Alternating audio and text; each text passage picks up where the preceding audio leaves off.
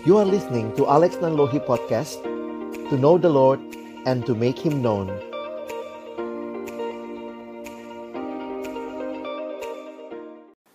Mari sama-sama sebelum kita membaca merenungkan firman Tuhan Kita berdoa.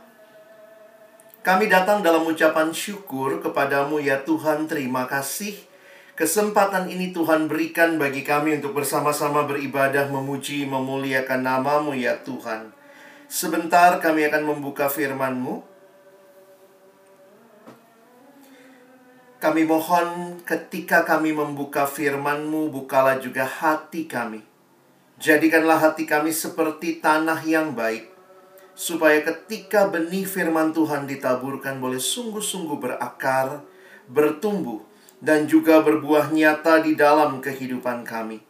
Berkati baik hambamu yang menyampaikan setiap kami yang mendengar Tuhan tolonglah kami semua Agar kami bukan hanya jadi pendengar firman yang setia Tapi mampukan dengan kuasa pertolongan dari rohmu yang kudus Kami dimampukan menjadi pelaku-pelaku firmanmu Di dalam kehidupan kami. Bersabdalah ya Tuhan Kami anak-anakmu sedia mendengarnya. Di dalam satu nama yang kudus, nama yang berkuasa nama Tuhan kami Yesus Kristus, kami menyerahkan pemberitaan firman-Mu. Amin. Shalom. Selamat siang Bapak Ibu Saudara yang dikasihi Tuhan. Mengawali pemberitaan firman ini, ya izinkan saya juga mengucapkan selamat tahun baru ya, karena kita masih ada di bulan yang pertama di tahun yang baru tahun 2021 kita sudah berbicara tentang hidup dengan pengharapan dan hari ini kita akan berbicara lebih jauh tentang hidup dengan perencanaan.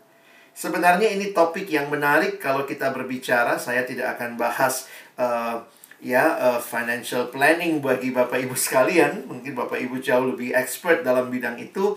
Tapi kita akan melihat apa aspek teologis perencanaan yang penting untuk menjadi dasar kita membangun perencanaan kita. Bagian firman Tuhan yang hari ini akan kita pelajari di dalam kitab Yakobus pasal yang keempat ayat 13 sampai dengan ayat yang ke-16.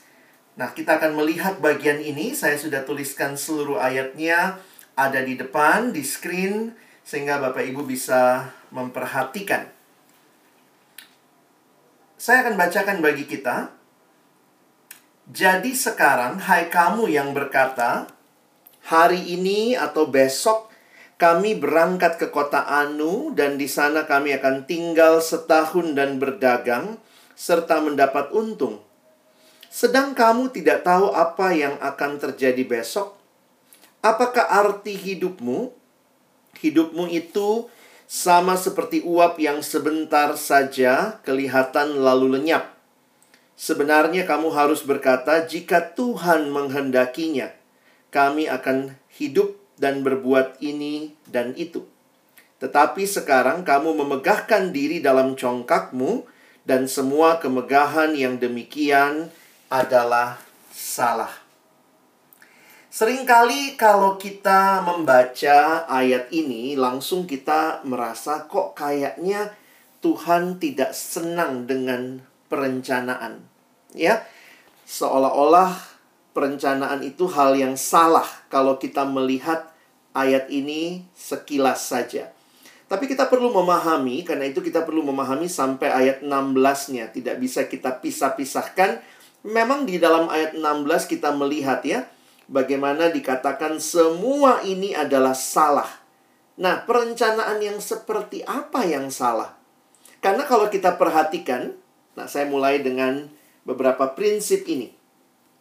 Kelihatannya Tuhan tidak menentang manusia yang membuat perencanaan. Coba kita perhatikan di ayat yang ke-13 tadi. Jadi sekarang hai kamu yang berkata, hari ini atau besok kami berangkat ke kota Anu dan di sana kami akan tinggal setahun dan berdagang serta mendapat untung, nampaknya kita melihat bahwa justru Tuhan menghendaki saya pakai istilah manusia yaitu setiap kita tentunya perlu untuk membuat perencanaan. Dan tentu kita harus melihat dalam keseluruhan bagian Alkitab, bagian firman Tuhan, bahwa di bagian-bagian yang lain pun Tuhan tidak menentang perencanaan. Contohnya, Amsal 24 ayat 6. Karena hanya dengan perencanaan engkau dapat berperang. Dan kemenangan tergantung pada penasehat yang banyak.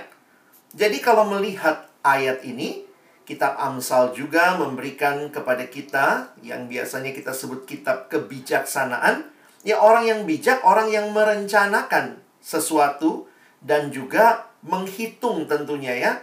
Karena ini bicara peperangan. Dengan perencanaan engkau dapat berperang.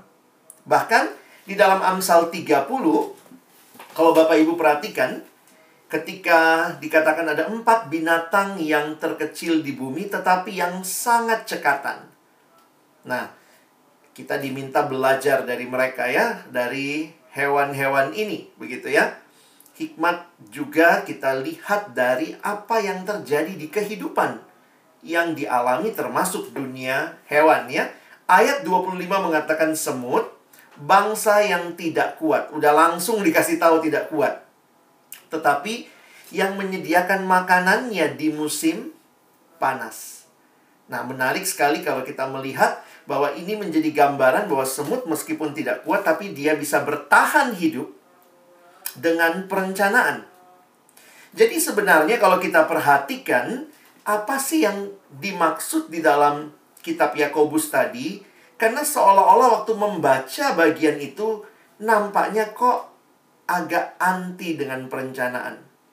Sekali lagi, Tuhan tidak anti perencanaan, bahkan Tuhan meminta kita merencanakan. Namun, apa yang perlu kita perhatikan? kita perlu mengingat dua prinsip penting dalam membuat perencanaan.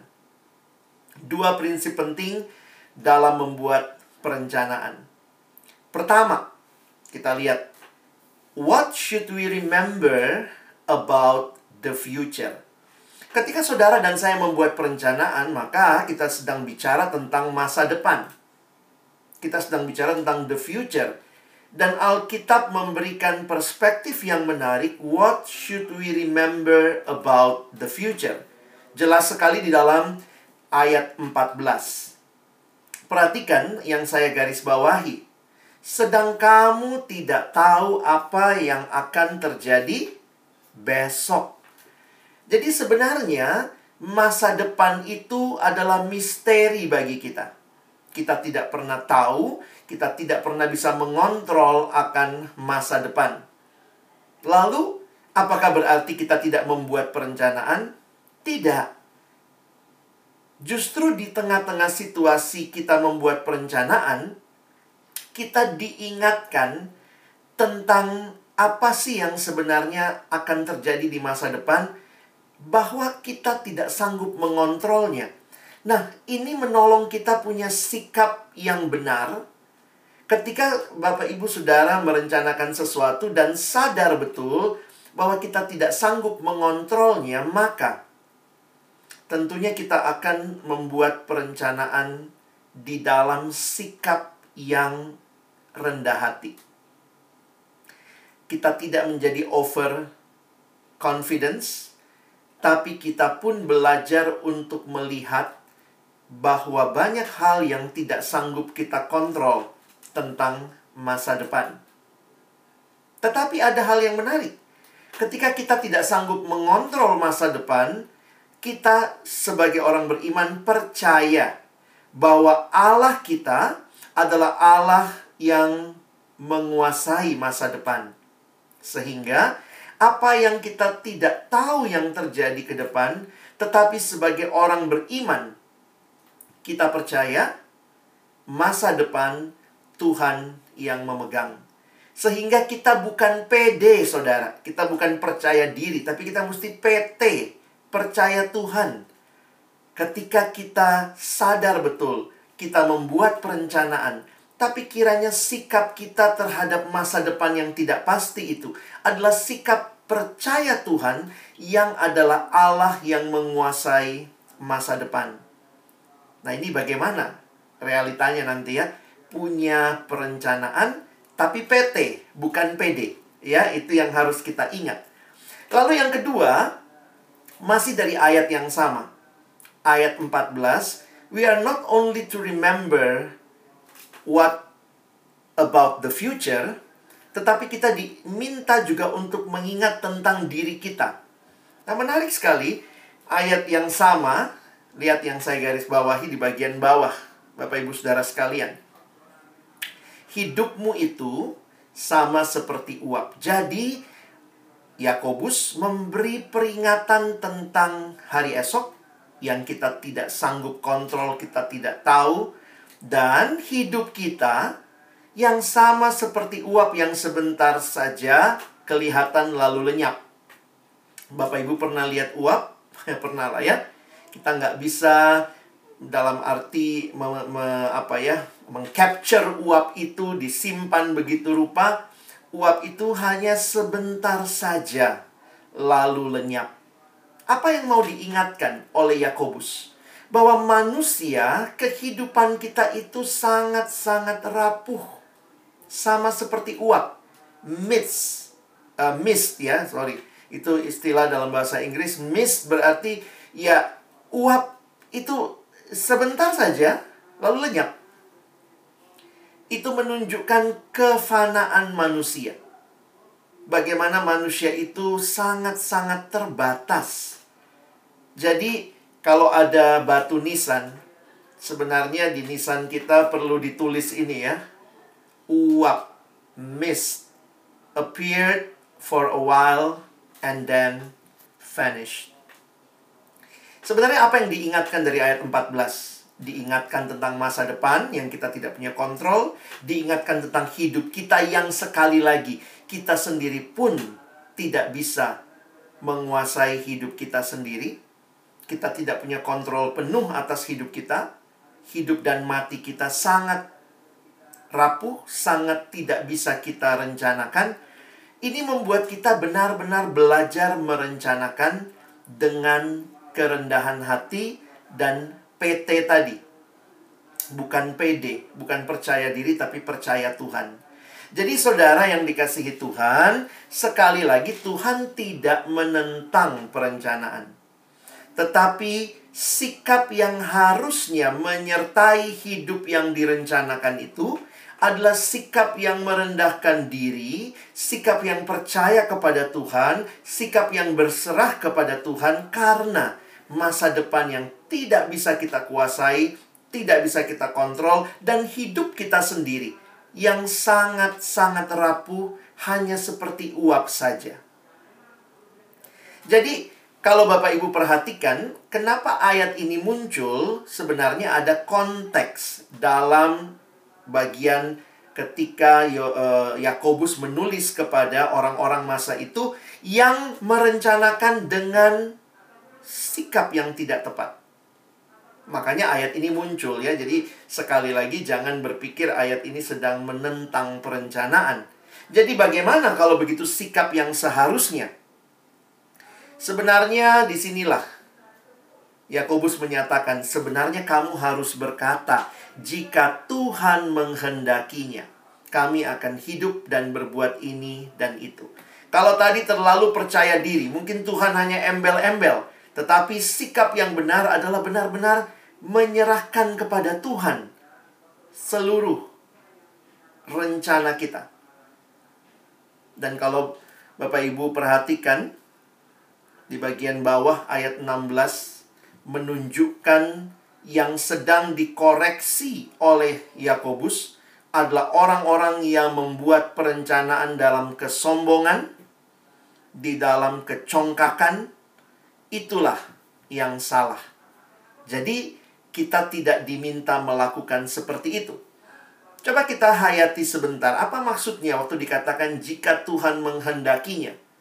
Mengatakan hal ini bukanlah supaya terdengar rohani ya. Wah, jika Tuhan menghendakinya. Dalam agama tertentu ini jadi sebuah slogan. Biasanya apa-apa Tuhan begitu ya. Semoga Tuhan kiranya Tuhan. Kita tidak mengatakan ini sebagai bentuk karena mau ingkar janji ya. Nantilah ya mudah-mudahan ya. Kira kalau Tuhan menghendaki nanti saya datang. Tidak. Ini bukan dikatakan supaya terdengar saleh terdengar religius terdengar rohani. Tetapi ini adalah sikap yang mengakui bahwa kita tidak tahu apa yang akan terjadi hari esok, tetapi hanya Tuhan yang tahu, dan bahwa diri kita dan rencana kita bukanlah pusat segala-galanya, tetapi Tuhanlah pusat segalanya. Jadi, kalau kita pelajari ayat ini dalam konteksnya, ini bukan hanya menolong kita melihat satu sisi, tapi saya coba tuliskan begini ya penghayatan akan hal ini seharusnya tidak hanya memengaruhi cara kita merencanakan. Jadi bukan hanya masalah cara merencanakan ya, kita harus merencanakan dengan kerendahan hati, kita harus merencanakan dengan percaya pada Tuhan, berserah kepada Tuhan, tapi ayat ini juga mengajarkan kita apa yang kita rencanakan. Nah, ini ini menolong kita untuk menghayati kita kembali ke ayat 13 bukan hanya cara, tapi juga apa. Kenapa? Karena sering kali apanya ini juga bikin masalah. Nah, ini yang saya mau aja kita lihat. Emang apanya itu bisa bikin masalah nggak? Bisa, saudara. Di ayat yang ke-13, kalau kita perhatikan, apa yang jadi tujuan perencanaan? Tujuan perencanaan adalah berdagang serta mendapat untung. Jadi dalam salah satu tafsiran yang saya baca, dia mengatakan hati-hati dengan apa yang direncanakan, bukan berarti tidak boleh merencanakan. Bukan berarti tidak boleh punya target dalam perencanaan tentang apa yang mau dicapai, tapi hati-hati. Jangan sampai apa itu yang kita jadikan tujuan perencanaan kita, kita pikir itulah segala galanya. Contoh, ayat 13 ini. Dalam ayat 13, prioritasnya adalah keuntungan. Tidak salah untuk menghasilkan uang karena dia pedagang ya. Tetapi salah jika menjadikan uang sebagai tujuan utama dalam perencanaan kita. Jadi Bapak Ibu Saudara sekalian ini bukan cuma masalah cara ya Merencanakan dengan kerendahan hati Merencanakan dengan fokus kepada Tuhan Merencanakan dengan berserah kepada Tuhan Bergantung kepada Tuhan tapi tanya lagi, apa yang menjadi tujuan yang kita rencanakan? Apakah itu menguasai kita sampai-sampai kita lebih percaya kepada hal itu daripada kepada Tuhan? Saudara yang dikasihi Tuhan, dalam banyak kaitan perencanaan orang suka bicara asuransi ya. Dalam satu percakapan dengan seorang teman, ketika dia berhenti kerja, lalu kemudian dia lakukan uh, apa ya uh, kegiatan secara mandiri begitu ya. Nah satu waktu saya ketemu dia dan saya tanya, nah kamu nggak nggak cari kerja aja gitu ya karena saya tahu dia cari kerja. Dia bilang enggak lah. Terus kemudian dia buka dompetnya saudara. Dia buka dompet dia tunjukin. Kesehatan ini dia udah punya asuransi dia tunjukin kartunya. Hari tua ini, wah semua dia keluarin ya. Dia tunjukin sama saya. Seminggu belanja pakai kartu ini. Jadi semua dia ada kartunya gitu ya. Jadi kemudian saya jadi merefleksikan ya. Dan saya saya nggak ngomong sama dia tapi saya jadi berpikir gitu. Apakah jangan-jangan tanpa sadar kita menjadikan perencanaan supaya kita aman sehingga keamanan ketenangan kita bukan bergantung kepada Allah sumber keamanan sejati tetapi kepada apa yang kita jadikan tujuan usia-usia bagi teman-teman yang lebih muda mungkin ini usia di mana mulai berinvestasi begitu selesai lulus mulai ya kuliah habis kuliah kemudian mulai merencanakan hidup lalu mulai berpikir bagaimana investasi ini dan itu. Tapi ingatkan diri kita sekali lagi ingatkan diri kita bahwa bukan semua itu yang akan memelihara kita tapi hanya Allah saja Saudara saya bukan sekali lagi mengatakan nggak usah punya asuransi, nggak punya nggak usah punya tabungan hari tua. Itu silahkan kita rencanakan, tetapi jangan menjadikan itu tujuan utama sehingga kalau saya punya itu saya tenang. Saya nggak punya itu saya takut. Bahkan hidup rasanya tidak tenang. Jadi memang tipis ya bedanya ya antara orang yang merencanakan dengan keyakinan kepercayaan kepada Tuhan dan orang yang merencanakan dengan pede kepada apa yang dia rencanakan. Apa yang akan dicapai lewat perencanaan itu.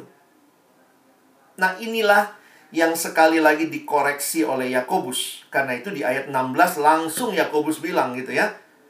Kenapa dia bilang perencanaan seperti ini kesombongan yang salah. Saya mengutip dua versi terjemahan. Satu terjemahan baru yang kita pakai di LAI dan satu lagi LAI mengeluarkan bahasa Indonesia sehari-hari. Tetapi sekarang kamu memegahkan diri dalam congkakmu dan semua kemegahan yang demikian adalah salah. Bahasa Indonesia sehari-hari mengatakan tetapi sekarang kalian sombong dan membual. Semua bualan seperti itu salah. Jadi Yakobus mengingatkan jemaat firman Tuhan ini mengingatkan kita mengecam orang yang membuat perencanaan dengan pandangan yang arogan tentang masa depan. Dia pikir masa depan bisa dia kuasai, padahal tadi kita tidak punya kontrol akan masa depan. Tentang diri, aku siap, aku sanggup, akulah segala-galanya, fokusnya kepada diri. Dan ini adalah pandangan yang melupakan kedaulatan Tuhan. Jadi saudara yang dikasihi Tuhan, bagi kita orang beriman, memasuki tahun yang baru, ini tahun yang juga kita sebenarnya masih nggak yakin ya, nggak tahu apa yang terjadi. Sebenarnya kalau bicara perencanaan, saya nggak tahu juga saudara ya. Mungkin dari tahun lalu banyak perencanaan kita hancur ya. Dan makin membuat ayat ini jadi real ya. Sehingga waktu saya tanya kepada beberapa teman juga, tahun ini apa resolusi-resolusi? Lagi banyak yang nggak mau bikin resolusi semua unpredictable katanya ya. Tapi di tengah-tengah yang unpredictable itu harusnya kita ingat satu hal.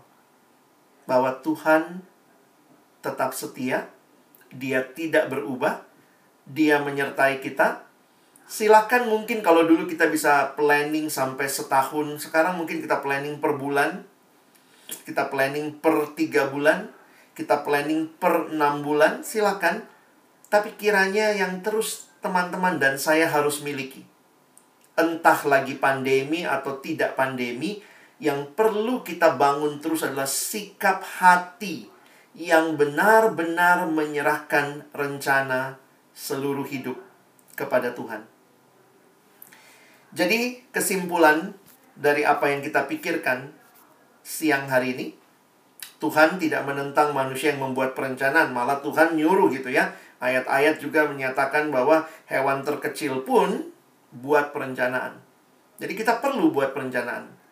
Tapi yang Tuhan tentang adalah sikap manusia yang arogan dalam membuat perencanaan. Sikap yang menjadikan rencananya lah yang dianggap bisa memelihara hidupnya. Teman-teman, ketika banyak rencana yang gagal, beberapa teman saya rencana pernikahan ya, tahun lalu gagal, maksudnya tidak jadi menikah di gedung yang di booking pestanya harus ditunda beberapa ada yang tetap menikah hanya acara gereja ada yang menunda tahun ini dengan harapan lebih baik. Tapi kembali lagi ketika kita membuat rencana biarlah kita dalam ketundukan kepasrahan kepada Tuhan. Dan menyadari di tengah-tengah semua yang kita rencanakan biarlah kita nikmati juga cara Tuhan memimpin ya yang kadang-kadang di luar pikiran kita. Cara Tuhan memimpin di luar apa yang kita ekspektasikan. Dan justru di situlah keindahan hidup beriman. Ketika Tuhan bilang, no, rencanamu tidak akan jalan. Dan kita belajar menerima Tuhan, udah direncanain, aduh gak jalan. Tapi kemudian berkata kepada Tuhan, engkau tetap baik dan Tuhan apa yang engkau mau ajarkan kepadaku? Mungkin Tuhan lagi bilang kamu terlalu ngandalin diri, kepedean sih gitu ya. Tuhan bilang, nah aku mau ajarin untuk bergantung kepadaku. Aku hadir dan aku ada. Ketika rencanamu yang kamu rencanakan tidak tercapai, jangan pikir aku meninggalkan kamu. Tapi aku akan membawa kamu dalam rencana yang mungkin jauh lebih indah dari yang sanggup kamu bayangkan. Meskipun jalan dan caranya tidak seperti yang kau kehendaki. Bapak Ibu Saudara sekalian, tahun ini kita masuki bagi Bapak Ibu mungkin ada rencana keluarga, anak, sekolah, bagaimana harus merencanakan masa depan. Belum lagi kita semua yang juga masih galau dengan apa yang menjadi uh, kehidupan ke depan. Tapi kiranya ini bukan nasihat klise ya. Ah, namanya firman Tuhan pasti ngomongnya apa-apanya Tuhan, apa-apanya Tuhan. Tapi saya ingin katakan inilah keyakinan kita. Inilah pengharapan kita. Dan berserah kepada Tuhan itu bukan suatu tanda menang kalah. Kadang-kadang gitu ya, berserah sama Tuhan kayaknya saya yang kalah gitu, Tuhan yang menang. Bukan, saudara. Tapi kita seperti seorang anak yang berserah kepada orang tua kita. Yang punya rencana, yang tahu apa yang terbaik dari apa yang kita alami. Tadi waktu mikir-mikir saya ingat masa kecil saya, saudara ya. Saya sudah diajarin uh, orang tua untuk mengatur keuangan sejak uh, SD kalau nggak salah ya SD kelas 2 atau kelas 3 uh, eh, mulai terima uang jajan dan kemudian saya mulai dikasih mingguan saya ingat itu dikasih mingguan ya sehari berapa gitu ya. Nah saya pernah tuh seminggu misalnya sehari dapat 3000 ya saya kan agak jadul gitu ya masa hidupnya.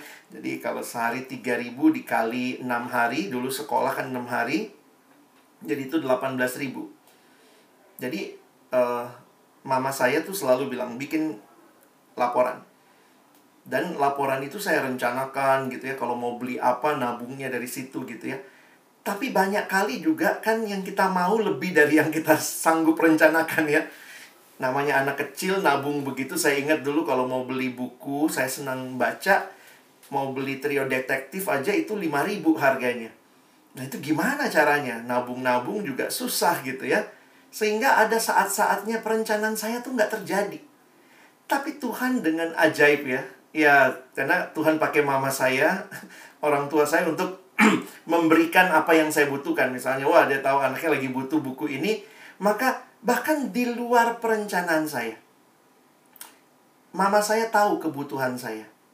Dia berikan, dia suruh saya rencanakan, tapi di balik semua itu, dia sangat tahu apa yang saya butuhkan sehingga bahkan di luar perencanaan, ya mama saya bisa memberikan apa yang saya butuhkan.